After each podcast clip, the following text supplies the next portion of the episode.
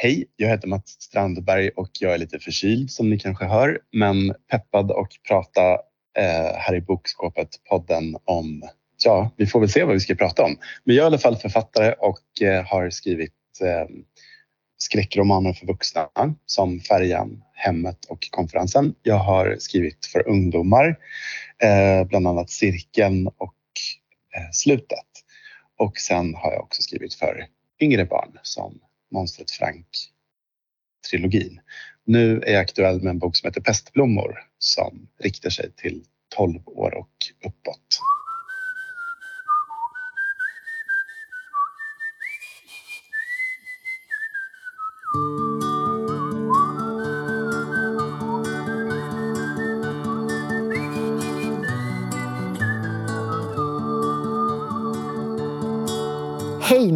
Hej Emma! Hej! Hur är läget? Jo men det är bra, hur mår du? Eh, jag mår bra, jag är lite bara så här snorig. Så Ah. jag hoppas att jag inte ska eh, sitta och flåsa genom munnen i hela det här poddavsnittet. Ja, du, det är lugnt i sådana fall. Det står vi Mm. ut med. vi säger det. Du, jag tänkte fråga hur dina, hur dina fingrar mår. För att jag har sett att du har suttit och signerat massa förhandsbokade eh, bokade exemplar av Pestblommor då, som är din nya bok. Har du ont? Har du liksom muskel, eh, muskel och men det- ledvärk? Det är faktiskt ganska lugnt. Jag har, ehm, det är ett kärt besvär om inte annat att sitta och signera böcker som ska skickas ut i världen nu. Så att, Ja. ehm, nej, men det är lugnt. Jag har, faktiskt, ehm, jag har faktiskt jobbat upp ganska bra muskler i händerna nu för att jag har skrivit mycket för hand den här sommaren av något skäl. Eh, Jag Mhm. håller på med min nästa roman för vuxna och det är som att varje bok har sina konstiga små egna krav på en och av något skäl så har just den här boken velat att jag ska liksom sitta och skriva mycket för hand och komma in i, i någon slags, ja, vad, vad det nu är som, som gör det. Mhm. Vad spännande, vad intressant. Mm. Är det första gången som, du, som, som, som boken kräver det av dig? Eller har du gjort så på andra? Eh, Jag har faktiskt varit med om det här en gång förut när jag skrev en bok som heter Halva liv. Då hade jag med som en slags dagbok kan man säga. Eh, Mm. eh, liksom en av, ett av berättarperspektiven var, var ett slags dagbok som den karaktären hade skrivit för hand och förmodligen var det väl därför som jag också med den satt och skrev mycket för hand. Eh, Mhm. Och det är någonting med, det är någonting med att det tar längre tid att skriva så att tanken hinner liksom formuleras lite mer innan Mm, den hamnar på pappret. Jag vet inte vad det är. Det är någon slags annat, lite djupare tänkande man kan komma in i när man skriver för hand. Jag skulle aldrig orka skriva en hel bok på det sättet. Men, men just nu i den här lära känna karaktärerna-fasen så, så verkar den vilja det. Det har varit ett väldigt långt svar på din fråga om min signeringshand. Men, men så är det i alla fall. Ja, men ett väldigt intressant svar. Och jag tänker att det är just lite det här vi ska prata om. Men om vi ska börja lite från början så har jag läst och förstått att eh, alltså böcker har varit en väldigt viktig del av din barndom, av din uppväxt. Du har läst väldigt mycket. Men jag förstår att du också har skrivit mycket tidigt, alltså i tidig ålder. Ja, Eh, precis. Jag, jag skrev jag- min självbiografi när jag var typ eh, fyra, fem år gammal. Så ja, jag var både skrivande och lätt egocentrerad, antar jag. Det är ju underbart. Har du kvar den? Eh, jag har faktiskt det. Den heter Mats eh, och jag, Ah. jag har gjort eh, illustrationerna själv och sen är hela handlingen snott från Madicken. Så att det är mycket så här hoppa med paraply från tak. Ah, ja, just det. Inte helt sanningsenlig självbiografi kanske.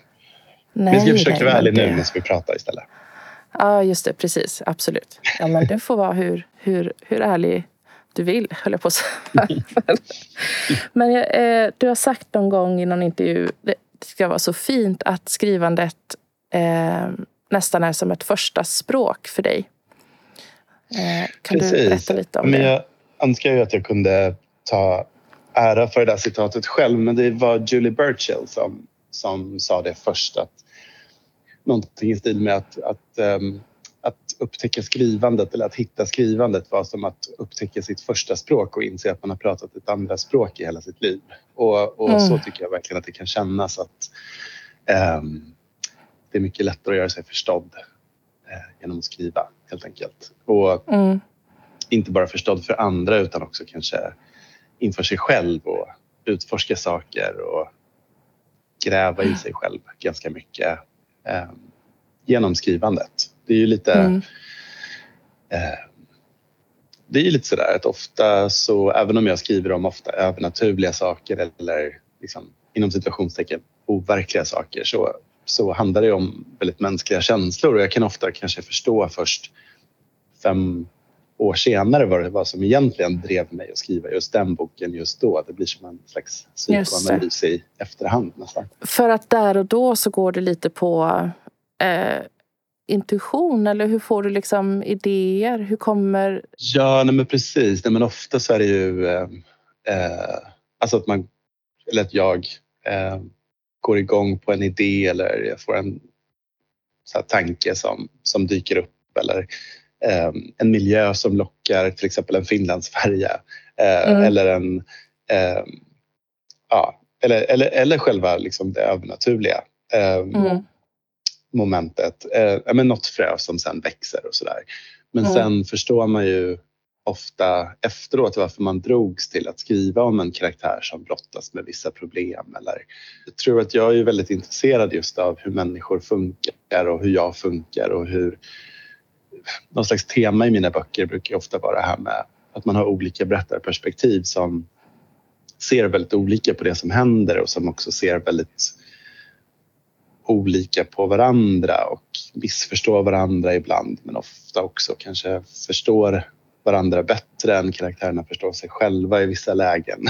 Allt det där mm. med interaktioner och, och hur vi tolkar det som händer oss är ju väldigt, väldigt spännande tycker jag. Mm. Så att, eh, där brukar det väl vara sånt som av olika skäl eh, jag menar det blir så flummigt men om jag skulle vara lite konkret så kan jag säga så här, min bok Färjan till exempel som handlar mm. om vampyrer på en Finlandsfärja. Eh, jag menar jag hade ju jättekul när jag skrev den och, och var väldigt...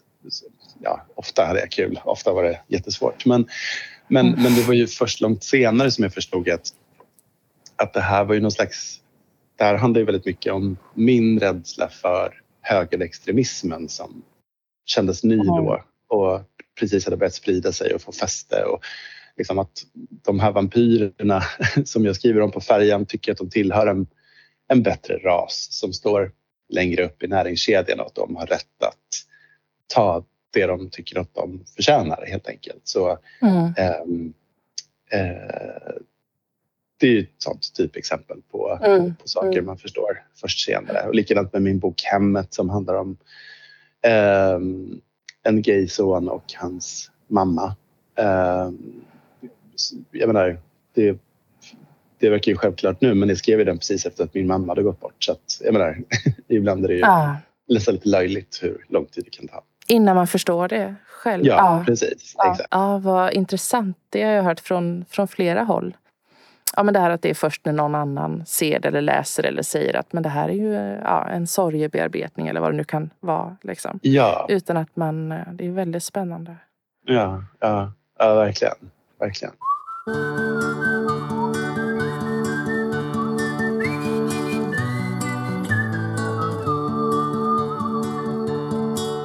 Vad skrev du, förutom din eh, självbiografi då, eh, Mats, eh, som både text och bild, som det stod.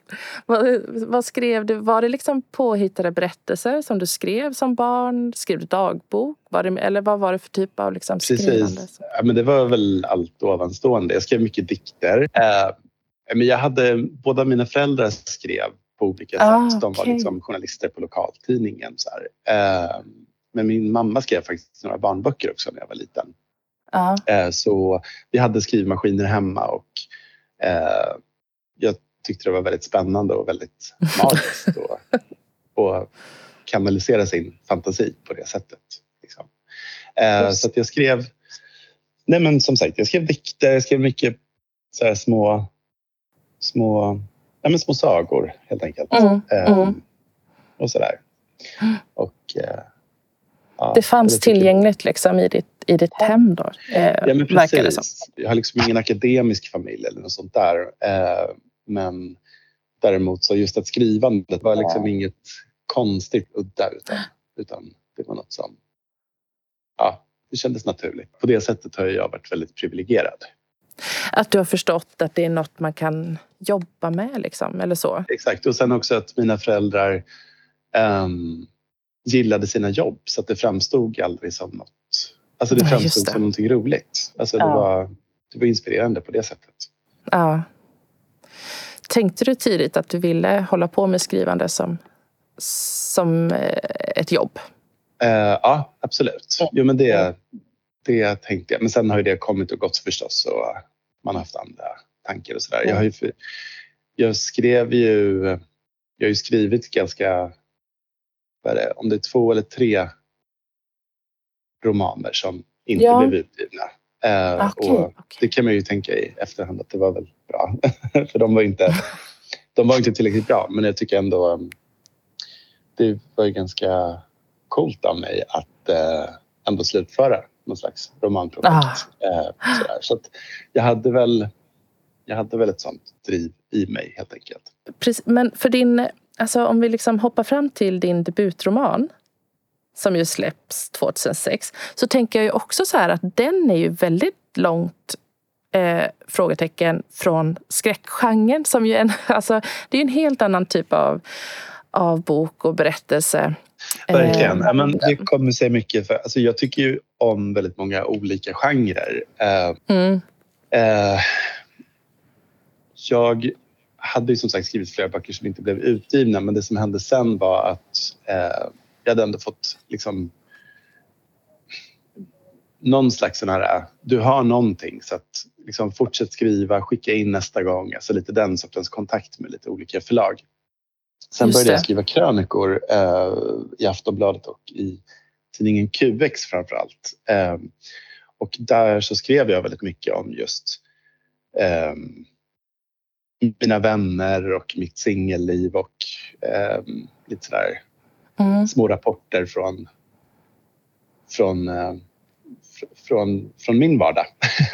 Eh, mm. och det var de som fick en förläggare som heter Anna Fredriksson som nu har blivit författare på egen hand. Eh, hon ja. tyckte väldigt mycket om just de krönikorna i QX och frågade om jag hade tänkt skriva en bok. Jag sa naturligtvis ja och hon det var inte att jag fick ett kontrakt i handen så här rakt av men jag eh, började skriva på ett romanprojekt som de ville skulle utspela sig lite i samma värld som mina krönikor. Så det var egentligen inte så mycket mitt val på det sättet. Men jag hade väldigt kul och det var väldigt lärorikt och jag fick väldigt mycket feedback under arbetets gång. Så det var en otroligt lyxig kurs ja. för mig ja. i romanskrivande. Och just Anna är ju...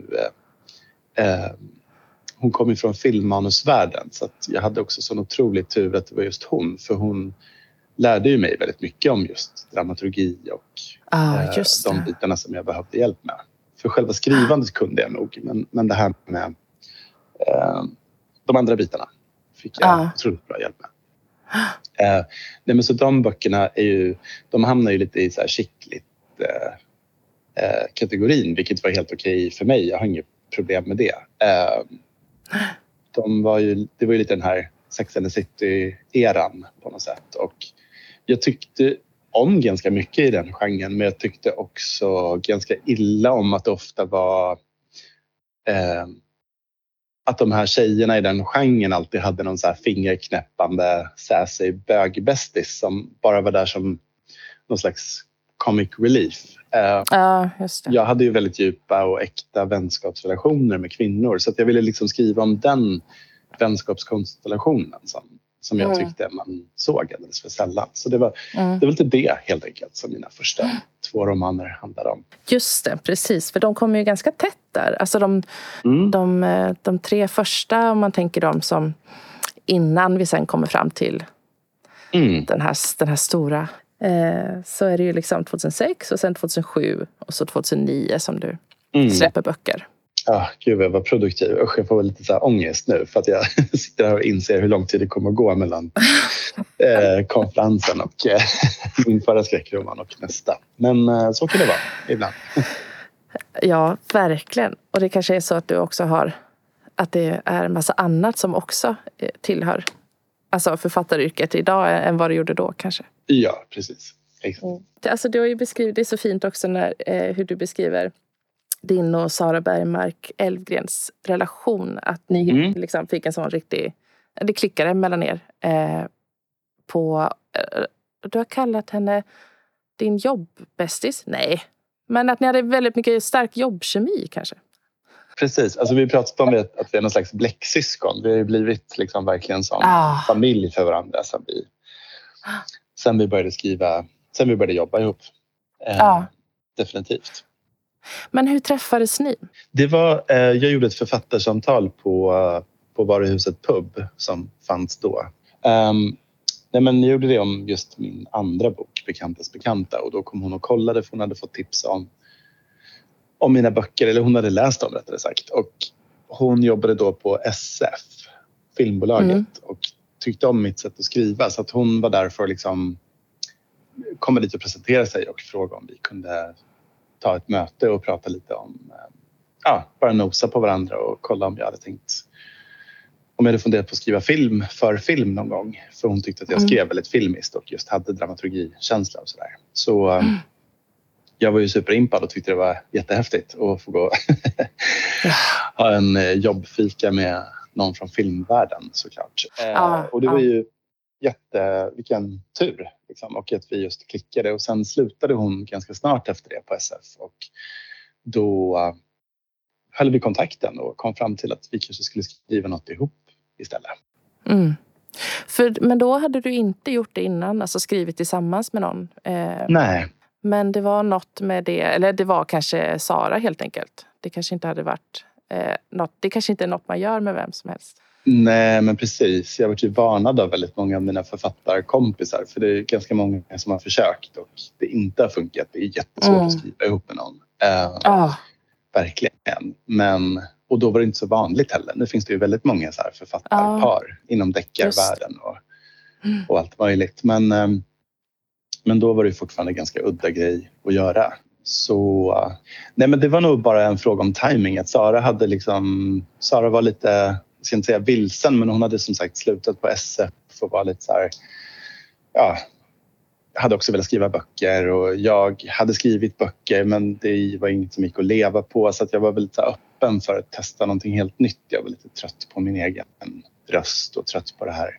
ensamma som det är att sitta själv och, mm och skriva bok helt enkelt. Så det var bara, det var, det var en otroligt bra timing. Det var lite ödesbestämt nästan. Jag tror inte på ödet men om jag hade gjort det så, Så hade det kändes det definitivt så.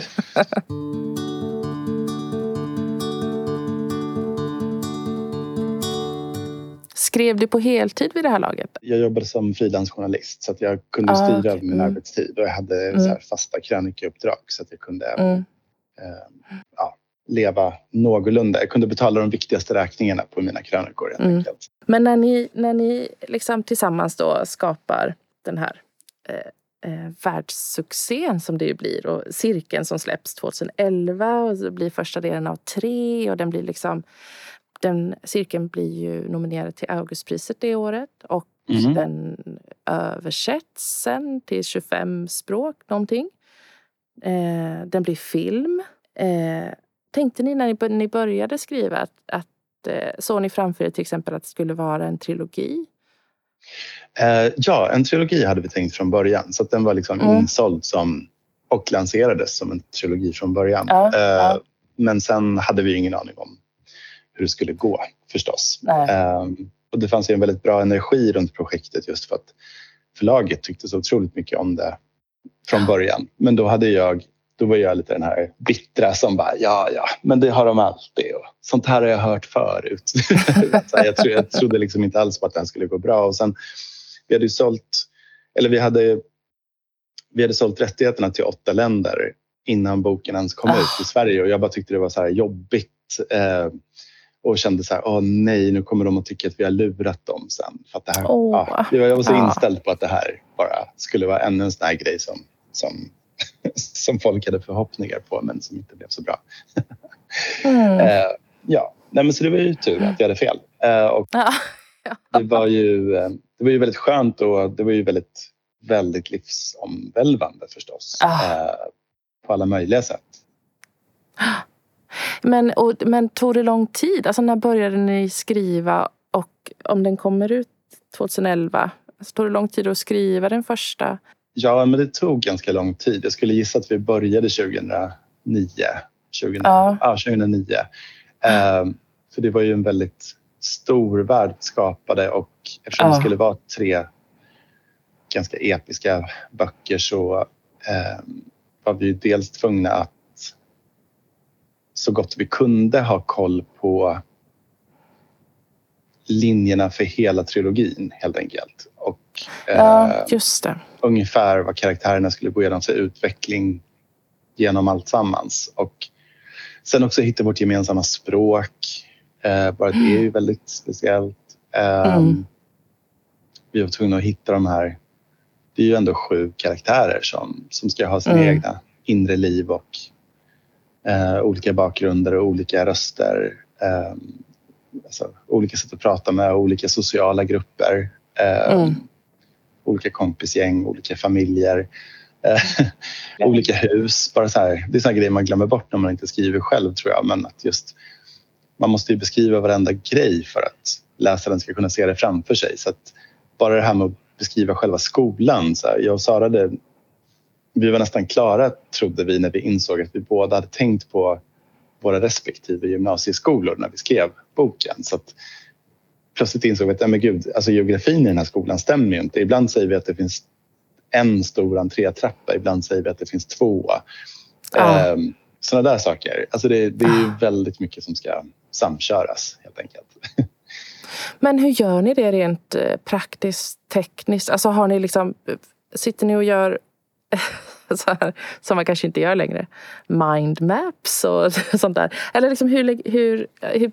Alltså vi hade väldigt mycket Excel-dokument över, eh, över, över karaktärerna och platserna ja. och de magiska reglerna. Det är det också. Om man börjar fucka ja. med, med naturlagarna eh, eftersom alla hade olika magiska element. Då måste man också vara konsekvent i hur man berättar om det. Liksom. Så det var det var väldigt mycket sånt. Det var också väldigt mycket redigera varandras texter fram och tillbaka, fram och tillbaka tills vi hittade, mm. hittade fram till ett gemensamt språk helt enkelt. Mm. Det låter otroligt kul också. Det var jätteroligt. det, var, det var väldigt roligt och väldigt uppslukande kan man säga. Väldigt kul. Mm. Men för sen, sen kommer ju de här väldigt tätt ju också. Eh, alltså de kom, det är väl en bara, alltså att eld kommer året efter och, eh, och nyckeln 2013 då. Mm, så då, det måste liksom bara ha alltså, fortsatt genom... Plus en eh, serieroman. ja, just det. Ja, men det var ju ändå, det var ju liksom 2000 sidor på ja, fem år sammanlagt. Uh. Alltså, som vi jobbade med. Eh, plus film, Eh, Precis, där var ni också involverade i det och i, eller hur såg det ut? Alltså, för det första hade vi sålt filmrättigheterna till ett bolag som vi sen kände att inte funkade så bra. Så det blev en så juridisk tvist som tog väldigt mm lång, mycket tid och energi. Så det var också ett så halvtidsjobb bara det. Mm. Um, men sen blev ju... Um, sen gick ju rättigheterna vidare till uh, vi kom på en bra lösning för alla helt enkelt. Så eh, det var ju Benny Andersson och hans son Ludvig som startade sitt filmbolag, RMV Film, mm. för att göra cirkeln helt enkelt. Och det var ju, mm. Då var det ju en fantastisk process. Eh, Sara skrev lev, eh, manus tillsammans med Levana Kim eh, som regisserade filmen och vi var exekutiva producenter båda två. Så att, det, var mm. jätte, det var väldigt lustfyllt och glädjefyllt. Var ni med i castingarbetet också? Absolut, verkligen. Vi var med i allt. det var väldigt kul. Ja. Just Benny och Ludvig var så otroligt generösa och släppte in oss ah. i processen och kände att vi kunde, att vi kunde den här världen. Eh, och, eh, men det var ju väldigt fint. Jag menar, Benny skrev ju fantastisk filmmusik eh, mm. och eh, var också väldigt otroligt ödmjuk och ville verkligen ha så här ärlig feedback och eh, det, är, det, är väldigt fint med någon som är så sanslöst eh, framgångsrik och eh, etablerad mm. minst sagt som fortfarande vill prova nya grejer och göra ett bra jobb och eh, inte vill ha ja-sägare omkring sig. Det var faktiskt otroligt Ja, inspirerande att Ja. vara, jobba så nära någon Mm. så pass länge.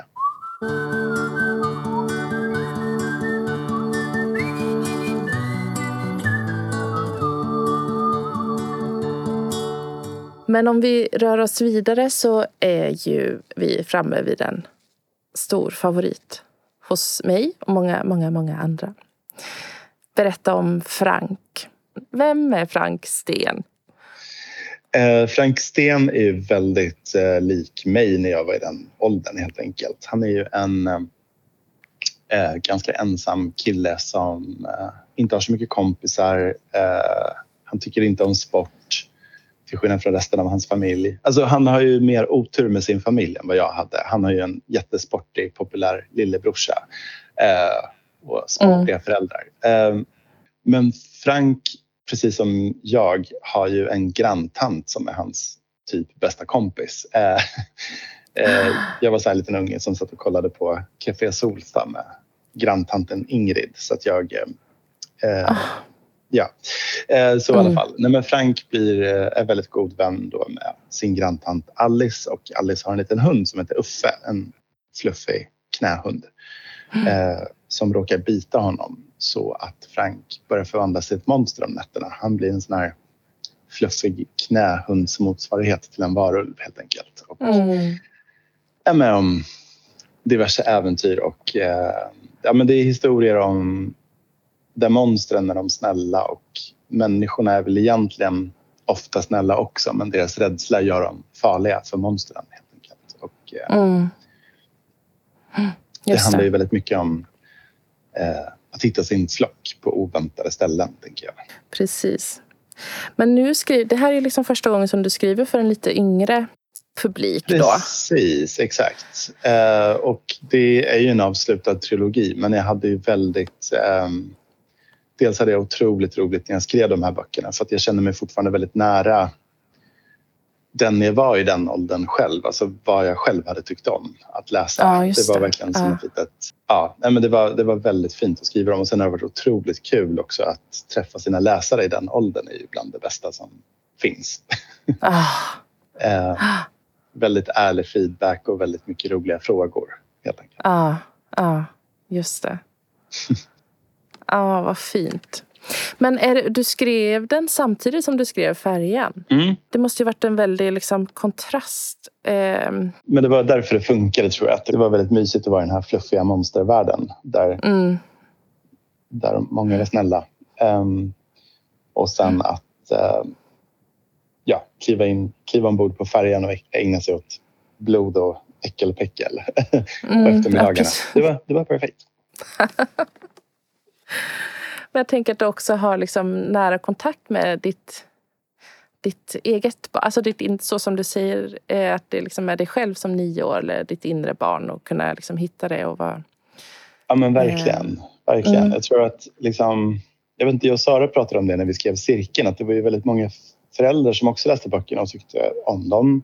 Men som också blev så chockade och bara, jag hade glömt hur hemskt det var att vara tonåring. Och vi bara, oj hade du? Jag tror att, jag tror att det där är Ja. någonting som ofta händer föräldrar, att man förtränger lite grann hur jobbigt det är att vara barn eller ung eh, för att man måste. Det blir så här outhärdligt om man minns Ja. alla detaljer. Eh, så eh, ibland kan jag tänka att det kanske är nästan bra att man inte är förälder. Eller jag vet inte. Det, det är någonting att jag, liksom, jag, jag kan fortfarande förflytta mig väldigt lätt till barnperspektivet helt enkelt. Mm, mm.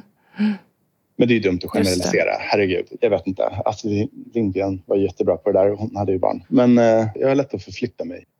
Ja, men jag, jag tänker att det också är s- alltså säkert övning också i det. Eller att kunna liksom ehm, riva ner de där lagren som du säger som byggs upp genom ja, vuxenlivet på något sätt. Och som, som skydd eller andra saker som... Ja, Ja, precis. Ehm, att hitta in där igen.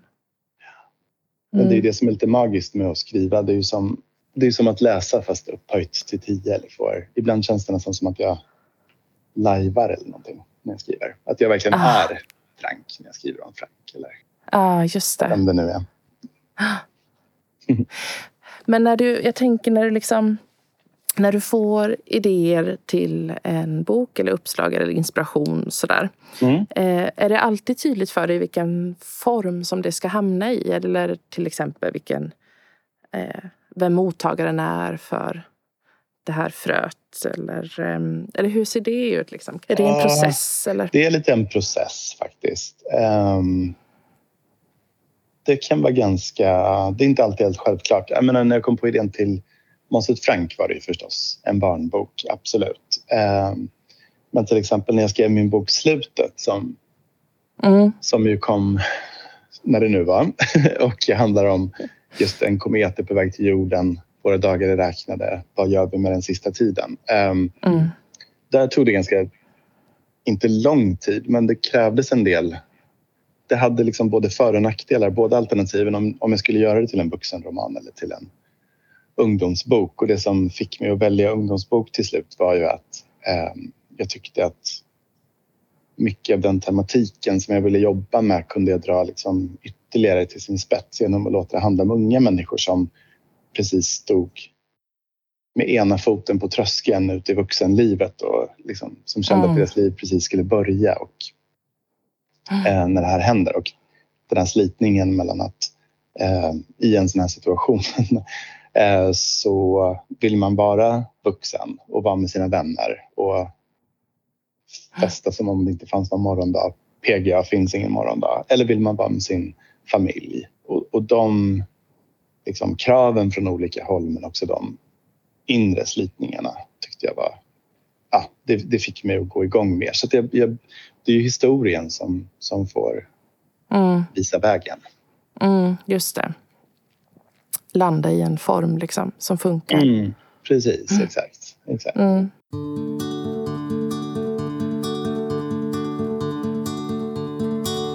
Men är det skillnad i, i övrigt i ditt skrivande i processen beroende på om du skriver om Frank eller om, eller går det till ungefär på samma sätt? Eh, alltså det är ju förstås olika. Jag tycker alla böcker har sina utmaningar men, men det är också...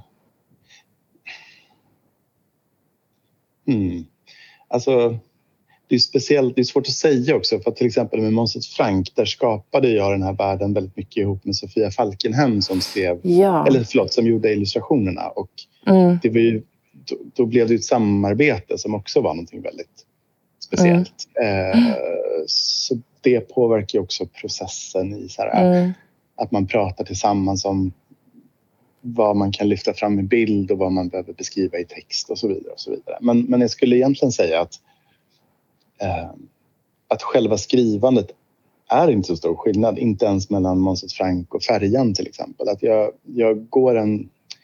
För mig känns det ganska likadant för att jag, mm. jag går liksom in i en karaktär, jag har, försöker liksom känna mig in i vad de har för eh, vad de har för energi på något sätt. Eh, vad de har för erfarenheter och rädslor och förhoppningar och eh, vad de har med sig i bagaget och sen vandrar jag fram genom historien och ser den genom deras ögon. På något sätt. Mm, mm. Så, så det är inte att jag sitter och känner så här, nu skriver jag en barnbok så här, och då ska jag vara barnboksförfattare. Utan på det sättet är det faktiskt mer mm. likt än vad många tror. Mm. Sen är det förstås vissa grejer som eh, om jag skriver en ungdomsbok då som slutet till exempel, då ser jag till att ha testläsare eh, i målgruppens ålder så att man inte är den här pinsamma gamla farbrorn som ska försöka beskriva hur kidsen har det. eh, så det kan ju ställa krav på det sättet förstås. Ja, just det. Precis. Jag menar förlaget får hjälpa till med Måns Frank och nu med Pestblommor att liksom, där är ju de bättre än mig på vissa saker när det gäller just åldersanpassning och vad som mm. är vad som är för abstrakt eh, eller vad som är för eh, läskigt i Måns Frank-fallet eller vad som... Mm. Ja, alltså det kliver ner på mm. ordnivå också helt enkelt. Mm, just det, precis. Var det något som var för läskigt i Monstret Frank? Som ni fick liksom backa på? Eller? Det var faktiskt inte det riktigt som jag kommer ihåg just nu. Vi pratade väldigt mycket om det att um, en grej som fastnade hos mig var att min förläggare menade att så här, barn... Barn tycker... Så länge det finns tydliga regler så brukar det Mm. gå rätt bra. Nu är inte Måns Frank-böckerna till för att skrämmas heller men vi, det finns ju ändå en ond clown i bok två och sådär. Eh, nej men så, att, eh, så länge det finns tydliga regler som man följer eh, så brukar det gå rätt bra. Det som blir obehagligt för barn på fel sätt det är ju när det blir så lite nästan psykotiskt. Att det blir så drömlikt och vad som helst kan hända och folk beter sig konstigt och är plötsligt helt annorlunda. Eller, Mm. Ehm, jag tyckte ju Loranga Masarino D'Artagnan var superläskigt när jag var liten. jag tror att det Mm. beror på just det. Att allting var så himla konstigt och jag kände mig otrygg hela tiden. Ehm, Mm. så. Men så det var ju någonting som, som jag verkligen anammade just när jag skrev Måns Frank. Att, Mm. ehm, Mm. att det inte skulle bli läskigt på det sättet. Liksom. Vad intressant det är med det där också. För jag tänker att det finns, det är liksom lite så här ibland att gränsen är hårfin mellan vad som blir obehagligt och skräckfyllt Mm. och vad som blir också så här knasigt och roligt. typ. Mm, Alltså att humorn och skräcken ligger ganska nära precis. varandra. Eh, Just med upplevelser av att läsa eh, Loranga, Massin och D'Artagnan till exempel. Det, Ja. det är ju klart att det, jag förstår verkligen vad du menar. Eh, men jag... De är jätteroliga också- nu när jag är vuxen. Men jag kan ja. också se vad jag tyckte när jag var liten. Eller varför jag Ja, tyckte så när jag var precis. liten. Exakt. Det blir det här man inte... Alltså, ja, otryggt som du säger. Uh, uh, nej men skräck och humor ligger ju väldigt nära varandra på många sätt. Mm. Det, det handlar ju liksom... En, en skrämseleffekt är ju nästan som ett skämt. Att man bygger upp en förväntan och sen får man den här förlösningen. Liksom, den Ja, just det. fysiska reaktionen. Ja, ja, just det. Precis.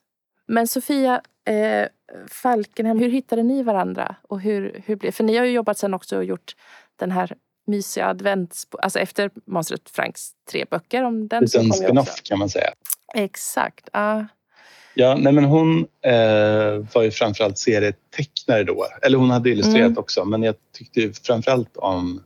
Eller det som jag hade en relation till var ju framförallt eh, hennes serier. Jag tyckte väldigt mycket om dels hennes figurer men också hennes sätt att berätta saker genom små detaljer i bilderna och sådär. Så att jag, ehm, jag frågade henne på bokmässan ehm, Mm. något år helt enkelt och bara var så här, jag har den här idén. Det ska gå ut på ungefär det här. Ehm, kan inte vi jobba ihop och verkligen göra det tillsammans från, från start? Liksom. Gud vad modig du är. ja, nej men alltså, vi kände varandra lite och gillade varandra så det kändes, ja, kändes ganska lugnt. Mm. men eh, ja, nej, men det, var, det var väldigt eh, roligt och inspirerande just att se sin värld växa fram parallellt. ja, det måste ju vara... Häftigt Ja, helt enkelt. precis. För det var ju också första eh, gången som du som det händer med dina böcker. Även om de ju har blivit film och hamnat på, ja, i rörlig bild. Så Mm. just det här att se sin text få illustrationer. Verkligen. Och de är ju också väldigt... Um, eftersom de är väldigt gulliga och de är väldigt um, mysiga och väldigt vackra Ja, så balanserar ju de också texten så det påverkar ju Mm, texten väldigt mycket. Man kunde, ehm, jag tror att de här, de här böckerna det känns väldigt mycket otäckare såklart. Om, alltså jag kunde gå lite längre i texten för att just bilderna balanserade upp det och gjorde det lite mindre, lite mindre skrämmande och hotfullt helt enkelt. Hade det varit. Hans Arnold-bilder så hade det ju varit alldeles för Mm. ja. Den här blir musikal också. På Junibacken. Precis. Ja, det var ju otroligt, otroligt kul. Himla fint. Ja.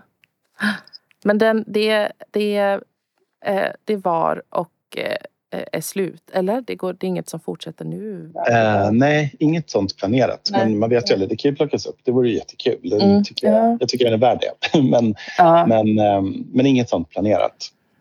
nej, precis.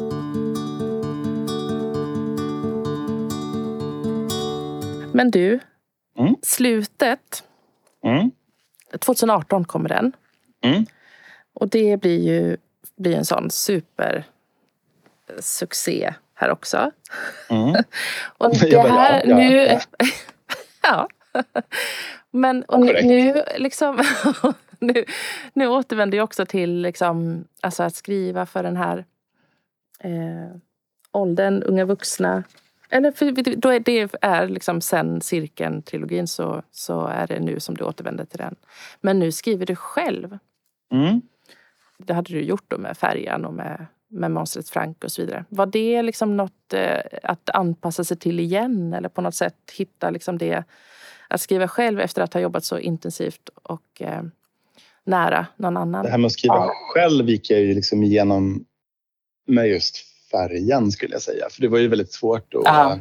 hitta tillbaka. Inte hitta tillbaka kan jag inte ens säga för att jag tror både jag och Sara utvecklades ju så otroligt mycket av de här fem åren tillsammans och allt som hände. Så att man att liksom hitta sin egen röst i den man var efter det här stora äventyret var ju, det var ju en process. Liksom. Och för mig mm. var ju enda sättet att inte fastna i panik var just att bara börja skriva så fort som möjligt på någonting eget. Så, så det var ju färjan. Nej, men så, när jag skrev slutet så kände jag mig väl ganska... Eh, då kände jag mig väldigt sådär... Eh, då hade jag i alla fall hittat tillbaka till vem jag var. Sen var det ju en jättesvår bok att skriva mm. på många sätt för att jag hade liksom ingen riktig förebild i den. Alltså jag skulle verkligen skriva en bok där alla dör på slutet eh, och mm. alla vet om det från första sidan. Så eh, det var ju såklart eh, det var ju inte alltid jag kände mig så kaxig och var säker på att jag skulle fixa det såklart.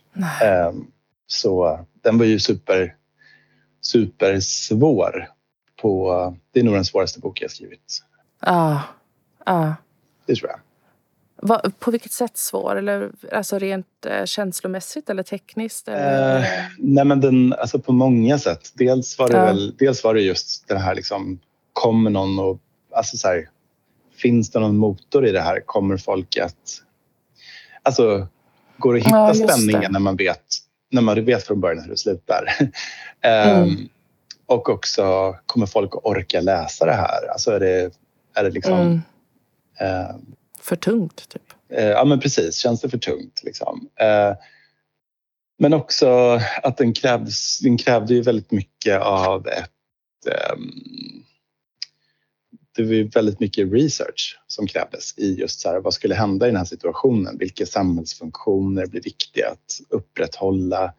Ehm, och, och liksom vad eh, ja, men bara liksom själva den här kometen. Hur funkar det? Vad händer när den slår i mm. marken? Mm.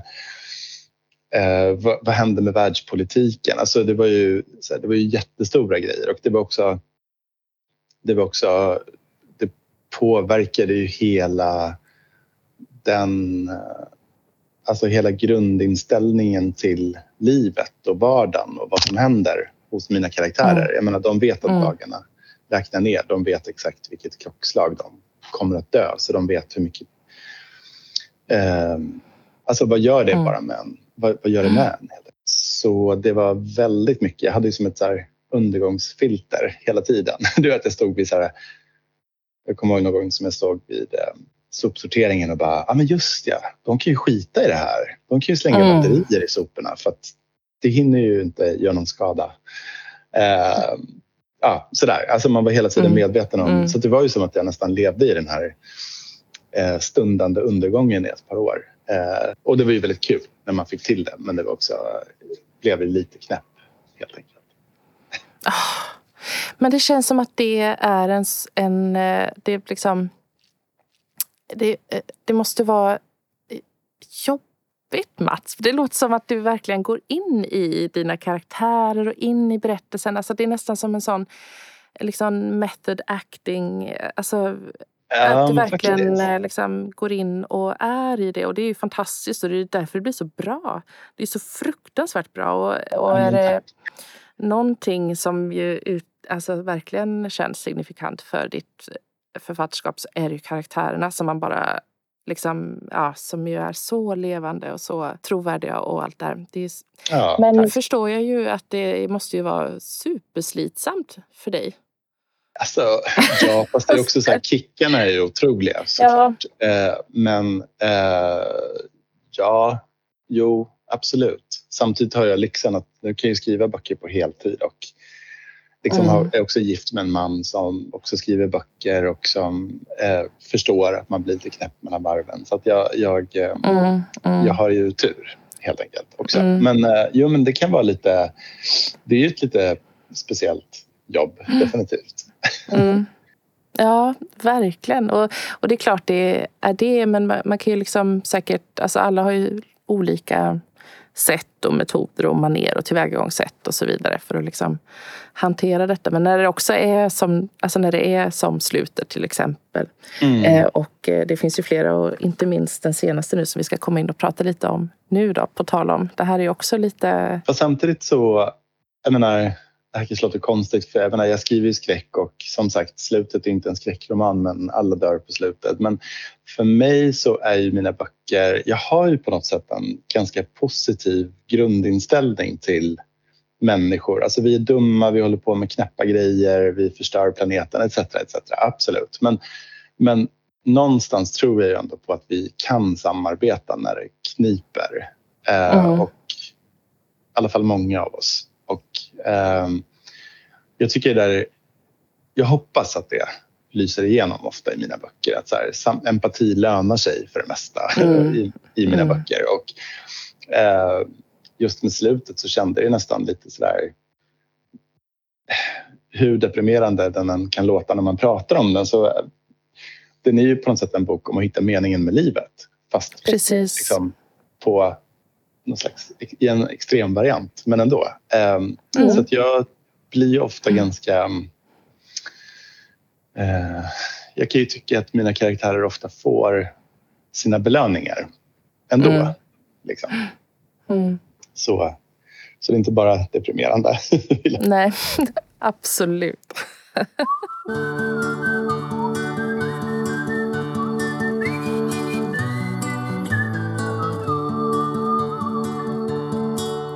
Men ehm, Magdalena då? Mm. I Pestblommor. Hur hittar du henne? Jo, men hon kom väl ganska mycket med själva grundidén på något sätt. Ehm, nej, men det här är väl... Den är ju för 12 år och uppåt och det här är väl väldigt mycket eh, baserat på just sånt som jag själv älskade i den här åldern. Ehm, Mm. och som jag fortfarande har väldigt mycket i ryggmärgen. Ehm, så det finns lite Hemliga trädgården, det finns lite Mm. Maria Gripe, det finns lite Virginia Andrews om du kommer ihåg de böckerna. De här Mm. ungarna som blir inlåsta på vinden och har Just massa incest med varandra. Eh, det är sånt, just de bitarna är inte med i Pestblommor, men ändå. Ehm, nej, men det här gotiska och det här Ja. mysrysiga och att få gå runt i nattsärk i ett skuggigt slott med en kandelaber och flämta. Liksom. Det, är, det är de bitarna som, som jag har fått ägna mig åt här. Och det, ehm, Magdalena är väl en ganska typisk hjältinna i den här sortens historier på något sätt. Eh, hon är ju ganska bortskämd när boken börjar. Hon bor på Riddarholmen som är en av de finaste församlingarna i Stockholm. Ehm, eh, lever ett väldigt tryggt liv och när pesten börjar sprida sig 1710 då, eh, i Stockholm så tror ju hon väldigt länge att, de, att det inte är någon fara. Men hennes mamma dör ju redan i första kapitlet och Mm. hennes pappa skickar Magdalena och hennes lilla syster ut på landet eh, för att skydda dem från, från pesten helt enkelt. Så de eh, ja, blir skickade till en moster som de aldrig har träffat Mm. och där ska de eh, ja, få vara då tills pesten har lämnat huvudstaden. Mm. Så. Mm. Och Precis. Magdalena får ju förstås gå igenom en sån här klassisk eh, eh, utveckling eh, på många sätt. Mm. Ja, men precis. Här börjar man ju verkligen förstå att det är något som inte är helt som det ska ju i det här eh, med den här mostern i, i den här, på den här platsen. Åh, gud! Och ända in i slutet, Mats! alltså, Japp. Ehm, ah, Ja, min förläggare det- påminde om Jane, eh, heter det, Jane Eyre. Jag var tvungen att att jag inte läst den. Så jag läste den och bara, okej, jag förstår just de barndomsbitarna framför allt. Eh, okej. ja. Ja. nej, men det var en väldigt... ehm, ehm, jag tänkte väldigt mycket på just den här åldern när man är 12 och uppåt. Alltså i Mm. tidiga tonåren och tonåren och hur otroligt klaustrofobiskt det kan vara. Att man kan känna sig så fångad och man vill vara vuxen men man vill också fortsätta vara barn och man vill, man vill slå sig fri.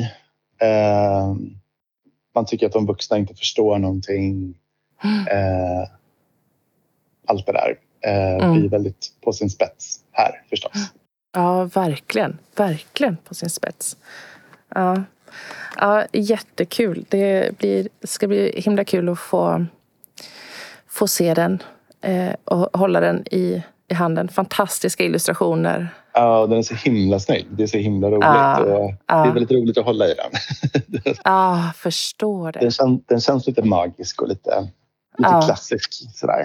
Ehm, ja, nej, men det har varit väldigt kul. Återigen en fantastisk illustratör som heter Elin Sandström som jag har jobbat med Ah. förut också. Som, som verkligen har fångat någon slags... Det är inte många illustrationer men den, de har liksom fångat någon slags ehm, drömkänsla som är lite där...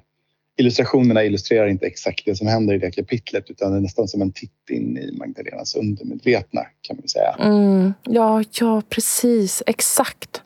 Mm. Ja, det ger verkligen den eh, effekten. Alltså illustrationerna ger den liksom, Mm. att det blir det där som du säger. Elin? Nej, men hej Elin Sandström! Illustratör och, och bildkonstnär. Hej! Hur är läget? Det är bra. Hur är det själv? Det är bra. Jag tyckte det var så fint för vi hördes lite kort i, var det i somras kanske, eh, om, i något, om något annat. Kanske handlade det om vilse. Men då vet jag att eh, jag skrev, åh vad kul det ska bli eh, att få se pestblommor sen senare i, i höst. Mm. Och då så sa du att, vet du vad, det tycker jag också. Det här är något av det bästa jag jobbat med på länge. Mm. Det tyckte jag var så fint. Så Ja. hur, eh, eh, hur eh, var det att illustrera till Mats text? Ja, men det var ju så... Alltså, ja, du förstår vilken lyx att få en sån berättelse. Och dels Ja. att få läsa den. För att jag tycker ju om att läsa hans böcker som vanligt, liksom i vanliga fall. Och sen få den här berättelsen. Och liksom, det, jag kände att redan när han bara lite så här löst berättade om den så tänkte jag så här, åh jäklar, det här blir, det här blir ju Ja. någonting väldigt bra. Och sen så Ja. jag fick första utkastet så tänkte jag, okej, det är väldigt bra. Det motsvarade Ja. alla förväntningar. Så det känns ju väldigt lyxigt att bara få, få liksom en liten snudd av den berättelsen. Få en del av det. Ja. Hur var det då, alltså kom bilderna till dig direkt? Att du började liksom få så här bilder i hur det här skulle liksom gestaltas? Ehm, eller fanns det önskemål hur det skulle se ut? Eller? Jag skulle nog säga att jag har väldigt, haft väldigt fria händer men jag har också varit med Alltså, eh, Mats bjöd in mig ganska tidigt i, sitt, liksom, process, i, sin process och hur han tänkte och sådär. Så att jag har varit i den här berättelsen säkert ja, mer än ett år är det nog. Ja. Eh, vilket också är ovanligt att man kan få så mycket tid. Men det var ju först när liksom, nu är det satt, nu är det dags att börja, börja skissa på riktigt. Det var först då som bilderna kom fram. Så jag vet inte om jag haft exakta idéer men jag hade en känsla som jag ville gärna förmedla och att det skulle vara i blyerts och få lite av det här poetiska. Mm. När det då skulle vara så få illustrationer då kände jag att det funkar inte att, att illustrera den faktiska händelsen. Liksom, varför skulle helt plötsligt dyka Nej. upp en bild så? Utan då finns ju de här drömska tillstånden. Och det känns det ganska passande att ah, men här har vi någonting som kan få vara mer som ett litet lite konstverk mitt i boken och som inte Mm. behöver vara så berättande om själva berätt eller historien. Nej, just det. Precis. Ja, men du, så får vi sticka in ett litet eh, grattis också till Vilse. Ja, tack. Fantastiskt. Den är ju också helt otrolig. Tack. Fint! Bra! Tack så jättemycket att jag fick ringa och störa. Tack. Hej. Ha det bra, hej! Men eh, visst var det så att den var tänkt att heta någonting annat först?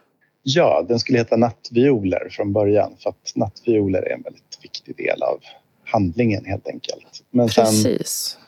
Eh, där fick jag ju bara böja mig för förlaget för att de hade kommit fram till att det är väldigt många i den här målgruppen som tycker om, som tycker om att läsa just om, om pesten och om andra farliga sjukdomar. Det är väl Ah, kanske okej. extra mycket Mm. efter pandemin men också tror jag har Mm. mycket att göra med den här tv-serien om världens värsta sjukdomar. Eller vad den heter. Mm. Ja, alltså så länge jag tycker jättemycket om pestblommor också så det känns, in, det känns inte Mm, som någon mm, uppoffring. nej. Men eh, Men de där nattviolerna, mm, de är ju centrala. ja, det kan man säga. Precis. Eh, gud, som sagt, jag är inte så van att prata om den här boken än så att jag är lite så här, mm, vänta nu, vad är en spoiler egentligen? Ja, jag vet. Ja, nej, precis. det finns ju en slags vänskaps... Det finns ju en vänskapsberättelse som är väldigt mycket Ja. så här ljuset i den här boken och kanske är det också en kärlekshistoria. Ehm, och just i den relationen så är ju nattviolerna väldigt symboliska. Så kan Mm. man väl säga utan att Mm. förstöra. Verkligen. Absolut. Ja, men, och det, jag tycker också det är så många lager i den här eh, boken på något sätt. Den handlar om, om så mycket. Det är liksom eh, sorg och överlevnad och Mm. desperation och förlust och saknad. Liksom det här. Men också om, Mm. om klass och klassrelationer och så den här, ja, en kärlekshistoria eh, i det. Men och framför allt alltså, så känner jag ju väldigt starkt eh, Mats att det kan väl inte vara sista gången vi läser om Magdalena? alltså, jag Eller? tror att det kanske är det. Fast jag gillar ju Ah. att eh, ja, man vill gärna Jag känner jättestarkt att jag vill liksom fortsätta vara med henne när hon kommer. Eller nu ska jag inte säga för mycket om, men hon är också så smart. Du vet, Ja. hon liksom alltså rent så- också eh, ja, ur någon slags eh, naturvetenskapligt så här deduktivt Mm. att hon liksom börjar förstå Mm. saker, hur saker hänger ihop. Och, ja, jag Verkligen. gillar henne verkligen. Verkligen. Man önskar att sådana som Magdalena hade haft en röst som någon lyssnade på på den tiden. Det hade varit... Ja, Lite lättare då, verkligen. Ja, precis. Ja, men vad fint. Vad roligt. Vad glad jag blir. Det Ja, ja en- men eh, ja, hon, får, hon kommer i alla fall hänga kvar eh, Ja. hos mig. Vad fint. Vad kul. Ja, men man vet aldrig. Det kanske dyker upp någon idé sen.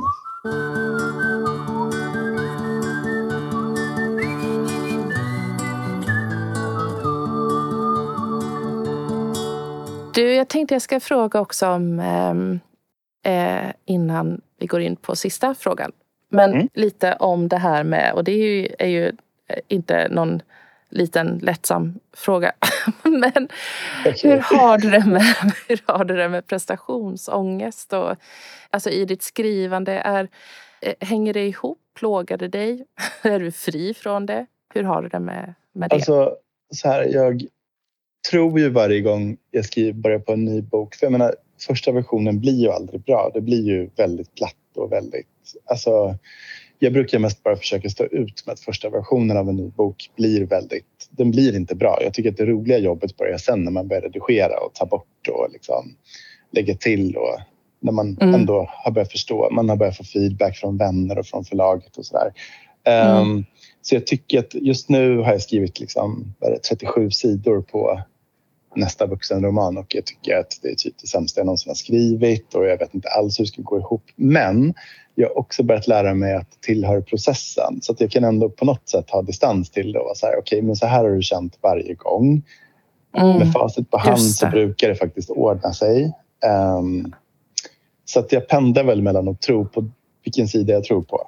Ja. Ehm, och, så. och det tycker jag liksom att alla mina författarvänner som, som jag tycker skriver bra går ju igenom samma process. Alltså, jag Ja. tror inte man kan skriva bra om man, om man tycker att allt man gör är fantastiskt från början. Det tror inte riktigt man... Då tror jag inte man når fram till den där självkritiken som behövs. Liksom, Nej, sen. just det. Så, Du, finns det något som du, det antar jag att det ju gör, eller det jag ska inte anta, men finns det något som du liksom inte har utforskat ännu som du gärna skulle vilja utforska? Och skulle du vilja ens uttrycka det eller känns det att det får man också välja att sen svara, att inte vilja svara på om man inte vill? Alltså, jag tycker ju själv att, eller så här, nu är jag väldigt tidigt i processen i den här nya boken, men jag ser fram emot att vara på banan så att jag kan liksom börja utforska det som gjorde att jag ville skriva den här boken till att börja med. Jag kan inte säga så mycket men, men liksom, Oh. det, ska, det ska verkligen handla om kulturvärlden. Eh, Åh, och jag ska använda mycket av mina fulaste sidor och min avundsjuka och missundsamhet. Det ska bli väldigt kul att få grotta sig Ja. i det som terapi. Ja, ja just det. så jag hoppas... Eh, ja, ja, men jag Ja. längtar tills, jag, tills, jag, tills, det, tills det är lite roligt att skriva. Helt enkelt. Ja, just det. Ja, vad fint. Ja. Men du, eh, jag brukar avsluta med att säga tack och förlåt. Mm. Det, Så det, då, jag, jag gör det även här. Jag tycker det känns Ja. skönt. ja, men jag säger detsamma då, helt enkelt. Tack och förlåt Mats. Ja, tack och förlåt. Förlåt för att jag. För meningen.